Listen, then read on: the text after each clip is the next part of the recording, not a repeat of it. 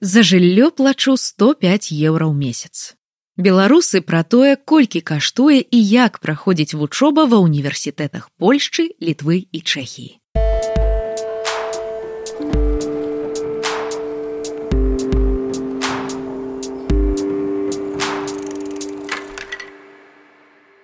Спыталі ў беларусаў якія вучацца ва ўніверсітэтах еўропы як яны рыхтаваліся да паступлення колькі трэба плаціць за вучобу і як складваюцца ў іх стасункі з выкладчыкамі. Арсеній. Вучыцца ва ўніверсітэце кракава. У гэты раз я пражываю сапраўднае студэнцкае жыццё пра якое марыў. Год таму арсеній паступіў на кагнітывістыку ў адзін з універсітэтаў кракава але даволі хутка вырашыў змяніць напрамак. Кажа, спецыяльнасць складаная і ўключае ў сябе вялікую долю дакладных навук. Цяпер Арсеній вучыцца на першым курсе і вывучае еўрапеістыку. Можна сказаць, да паступлення я рыхтаваўся ўсе шэсць гадоў вучобы на гістфаку ў брэсце. Пачаў вывучаць гісторыю міжваеннага перыяду і захапіўся ёю. Тады тэрыторыя заходняй беларусі ўваходзіла ў склад польскай рэспублікі. Плюс трэба было працаваць з дакументамі ў архіве, таму заняўся яшчэ і мовай. А непасрэдна да самога паступлення стаў рыхтавацца за год. Мне трэба было здаць дзяржаўны іспыт па польскай, як замежнай на ўзровень b2. Я займаўся з рэпетытарам. Падрыхтоўка да паступлення. Казаў пра кнігу, якую напісаў мой экзаменатар гэта яго ўразіла. Самым складаным для мяне аказалася граматыка і пісьмо. З гэтым у мяне цяжкасці ва ўсіх мовах. У выніку здаў на 84 проценты. Выпрабаванне праходзіла ў мінску два дні запар. Першы дзень пісьмовая частка, граматыка і эсэ на зададзеную тэму. Другі вусная частка, гутарка з экзаменатарамі. Але як пазней высветлілася, менавіта ў маім універсітэце гэты сертыфікат не патрэбны. Асноўны іспыт там сумоўе, падчас якога выкладчыкі правяраюць матывацыю і веданне мовы. Доўжыцца ўсё хвілін 10-15, падчас якіх ахопліваюцца агульныя пытанні, чаму Польшча, чаму кракаў і больш канкрэтныя, на якую тэму хацеў бы пісаць дыплом, якія мовы ведаю, дзе хацеў бы працаваць. У першы раз я набраў 70 балаў, а пры змене спецыяльнасці усе 100. Каб лепш прайсці сумоўе, варта вывучыць сферу інтарэсаў экзаменатараў і іх публікацыі. Гэта можа добра дапамагчы. У другі раз я падрыхтаваўся лепш і казаў пра кнігу, якую якраз напісаў мой экзаменатар. Гэта яго ўразіла. А вось спіса пытанняў да сумоўя няма як праходзіць само навучанне. Вельмі цяжка было самому сабе скласці зручны расклад. Незвычайным для мяне стаў стыль зносін выкладчыкаў са студэнтамі. Больш паважлівы, чым у маім папярэднім універсітэце і больш ліберальны, я б сказаў. Але вельмі цяжка было на пачатку самому сабе скласці зручны расклад. Сумаваў па маім дэканаце на гістфаку, які ўсё рабіў за мяне бо калі няўдала скласці расклад, то паміж парамі можа быць перапынак у некалькі гадзін. Навучанне ў асноўным складаецца з неабавязковых лекцый і абавязковых практычных заняткаў. Можна прапусціць два-тры практычныя ў залежнасці ад выкладчыка і спецыфікі прадмета. Калі больш адпрацоўка або нядопуск да іспыту. Практычныя праходзяць па-рознаму ў залежнасці ад прадмета часцей за ўсё чытанне тэкстаў і іх разбор на занятку або выкананне іншых заданняў дома. Па тэкстах на кожны занятак невялікая праверачная і балы за яе. З гэтага і складалася ацэнка практычных. Яшчэ важны аспект гэта здача калёквіуму, вялікай кантрольнай. Гэта таксама ўплывала на адзнаку і допуск да іспыту. І звычайна тут бывае шмат пераздач. І гэта норма на самастойную вучобу сыходзіць нямала часу, асабліва перад калёквіумам. Скажам, тры-пяць пар плюс гадзіны тры-чатыры дамашняй працы. Але калі паспрабаваць, пятніца можа быць адносна ці нават цалкам вольная. У гэты час, напрыклад, можна папрацаваць над іншымі праектамі. Вядома, працэс навучання мае шмат асаблівасцей у залежнасці ад факультэта і спецыяльнасці. У Польшчы, у адрозненні ад Беларусі, развіты студэнцкі рух. Я стаў членам міжнароднага форуму студэнтаў, які аб'ядноўвае студэнтаў і выпускнікоў з усёй Еўропы. Гэта дае магчымасць атрымаць навыкі ў розных сферах ці танна падарожнічаць. На гэты раз я пражываю сапраўднае студэнцкае жыццё, пра якое марыў. Пра побыт. Плачу за жыллё 500 злотых у месяц. Я жыву ў інтэрнаце ў цэнтры горада. Хвілін 25 пешу ад факультэта. Плачу за жыллё 500 злотых, каля 105 еўра ў месяц. У нас даволі прасторныя пакоі з уласным душам. На паверсе ёсць пральная і сушыльная машына. У самім інтэрнаце знаходзіцца добрая сталовая і свой бар. Там часта праходзяць канцэрты і іншыя мерапрыемствы. А вось кухні ў нас маленькія. Звычайна там шмат людзей прысесці магчымасці няма, толькі прыгатаваць і да сябе ў пакой. Таму з калегам па пакоі купілі столік, індукцыйную плітку і халадзільнік. Але ў цэлым умовамі я задаволены, хоць і старая частка інтэрнату крыху патрапана. Аліна вучылася ва ўніверсітэце Чэхіі. Асабіста мне было цяжка. Дзяўчына амаль два семестры вучылася на спецыялістку па інфарматыцы і вылічальнай тэхніцы на факультэце прыкладных навук заходнечэшскага універсітэта але сышла адтуль і паступіла ва ўніверсітэт у вільнюсе на завочнае і ў прыватны чэшскі універсітэт на дыстанцыйнае на бізнес-менеджмент. З намі жаліна падзялілася ўражаннямі аб першай адукацыі. Чэхію я выбрала бо тут жыла моя лепшая сяброўка у іншых краінах у мяне зусім нікога не было і было страшна ехаць у нікуды універсітэт выбірала зыходзячы з таго што было ў горадзе дзе я хацела жыць На той момант зусім не ведала, што я хачу рабіць са сваім жыццём і кім хачу працаваць, але ведала, што хачу рабіць нешта добрае для свету і дапамагаць людзям. А для гэтага патрэбны будуць грошы. Мне падабаецца думаць і не падабаецца, калі занадта лёгка. Таму вырашыла, што са сферай IT я цалкам спраўлюся. Па маёй тагачаснай логіцы, калі паскаль у девятым класе нармальна ішоў, то і вышэйшую тэхнічную адукацыю на замежнай мове змагу атрымаць. Падрыхтоўка да паступлення. Іспыт не здала. Вельмі перахвалявалася і забыла перавярнуць старонку з заданнямі. Паколькі ў мяне быў добры бал атэстата і адзнакі па інфарматыцы, фізіцы і матэматыцы, я была вызвалена ад іспытаў па гэтых прадметах ва ўніверсітэт. Мне трэба было здаць толькі чэшскую на ўзровень b1 займалася з рэпетытарам онлайн два разы на тыдзень па некалькі гадзін.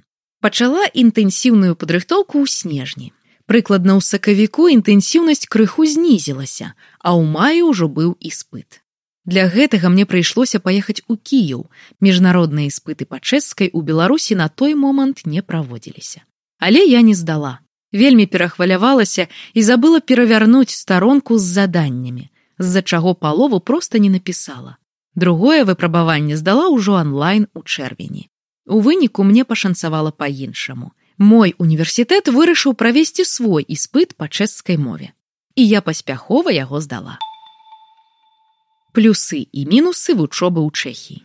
Спачатку я чытала скрыпты да лекцый па лінейнай алгебры і плакала Лекцыі па большасці прадметаў, як правіла, стрымяцца на YouTube і записываюцца. На іх увогуле не абавязкова хадзіць і за гэтым ніхто не сочыць.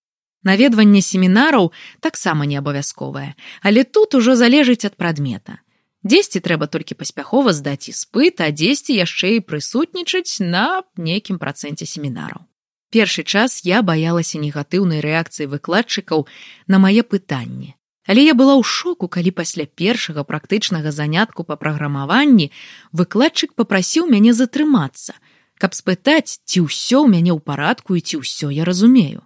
Ён сказаў, што ўсё будзе добра і яшчэ раз звярнуў маю ўвагу на тое, што ў любы час я магу задаваць усе свае пытанні ў дискорд. Таксама ёсць партал, дзе можна дастаць большую частку інфармацыі і матэрыялаў па ўсіх прадметах і сайт, дзе можна знайсці і танна купіць заліковыя тэсты папярэдніх гадоў, каб трэніравацца. Увогуле, калі ёсць жаданне і сілы вучыцца, то ўмовы не проста добрыя, яны цудоўныя. З мінусаў. Гэта ўсё на чэшскай. Спачатку я чытала скрыпты да лекцый па лінейнай алгебры і плакала, бо не разумела, што адбываецца. Плюс у чэхаў іншая школьная праграма і сістэма адукацыі ў цэлым. Яны вучацца 13 гадоў і, прыходзячы на першы курс, ужо большую частку ўсяго гэтага ведаюць са школы. Асабіста мне было цяжка. Яны нават дробы пішуць па-іншаму, па-іншаму думаюць, а вытворную завуць дэрывацыя. Пра побыт. За першы інтэрнат плаціла 100 еўра ў месяц, за другі 140. Я жыла ў інтэрнаце. Першы быў не вельмі. Пакой на дваіх, кухня, туалет і душ адзін на паверх. Выходзіла прыкладна 100 еўра ў месяц. А потым пераехала ў нармальны. Блокі па два пакоі, у кожным пакоі па два чалавекі, туалет, душ і халадзільнік на кожны блок, а кухня адна на паверх. Там я ўжо плаціла прыкладна 140 еўра ў месяц. Пры гэтым за вучобу ў дзяржаўным універы і на чэшскай мове плаціць не трэба. Мой адпачынак гэта ці сон ці вандраванні. Не ведаю, як я раней жыла без пастаянных перамяшчэнняў па планеце. Гэта для мяне найважнейшая магчымасць, якую дае статус студэнта ў Еўропе. Але і ў Чэхіі таксама выдатна. Праўда, я да гэтага часу не пагуляла па ўсіх месцах у празе, па якіх хачу пагуляць. Валерыя вучыцца ва ўніверсітэце вільнюса. Самым нязвыклым стала колькасць пар, прыкладна 4-6 на тыдзень. Валерыя вучыцца ва ўніверсітэце ў вільнюсе, ужо на другім курсе. Вывучае візуальны дызайн. Кажа, што літву хутчэй выбрала не яна сама, а праца яе мужа. Паколькі паступленне ў вільнюс гэта маё не першае паступленне ва ўніверсітэт у прынцыпе, сумневаў не было. Мне проста трэба было знайсці самы прыдатны варыянт для сябе і спланаваць фінансавы бок.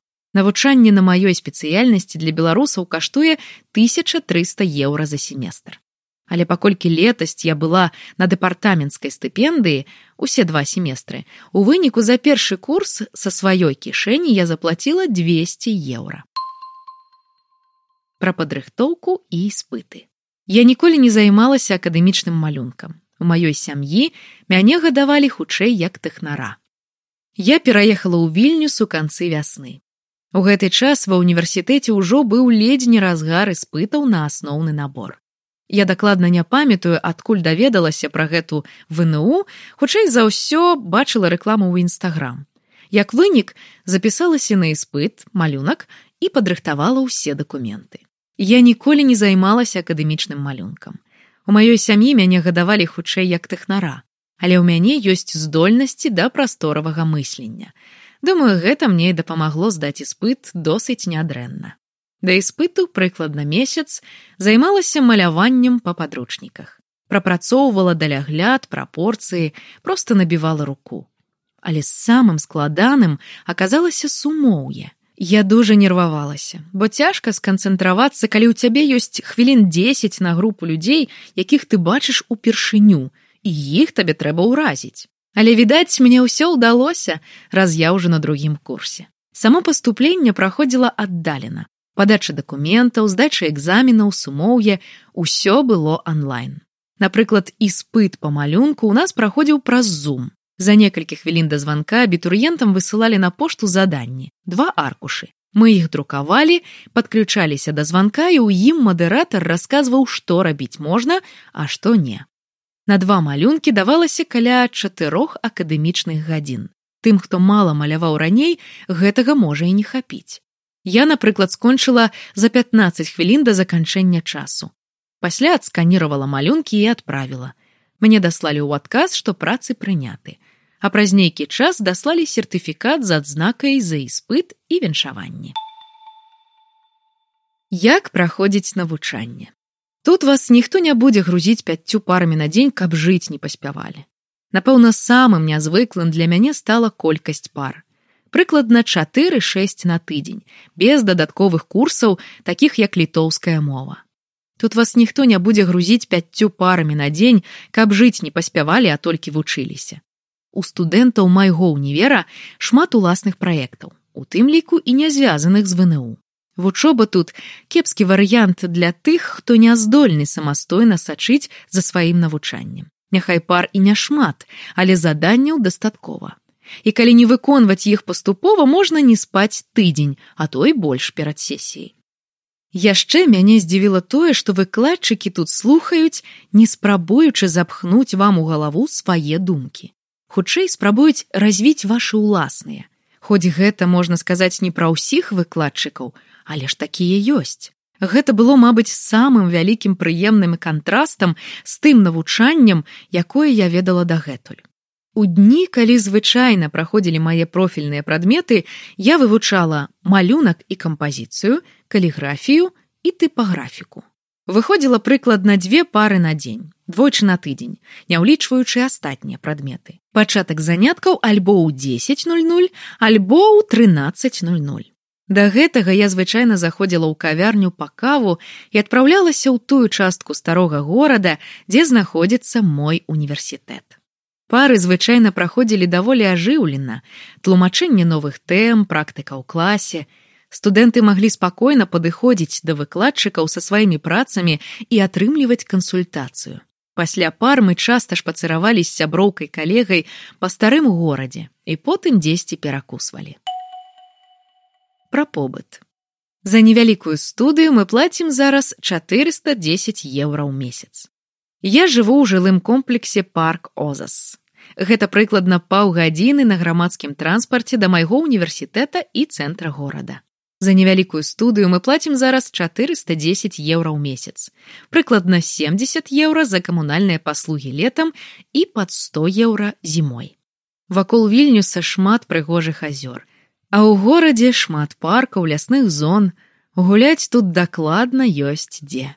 Тым больш я люблю адпачываць у руху на паветры. І вядома ж вандраваць.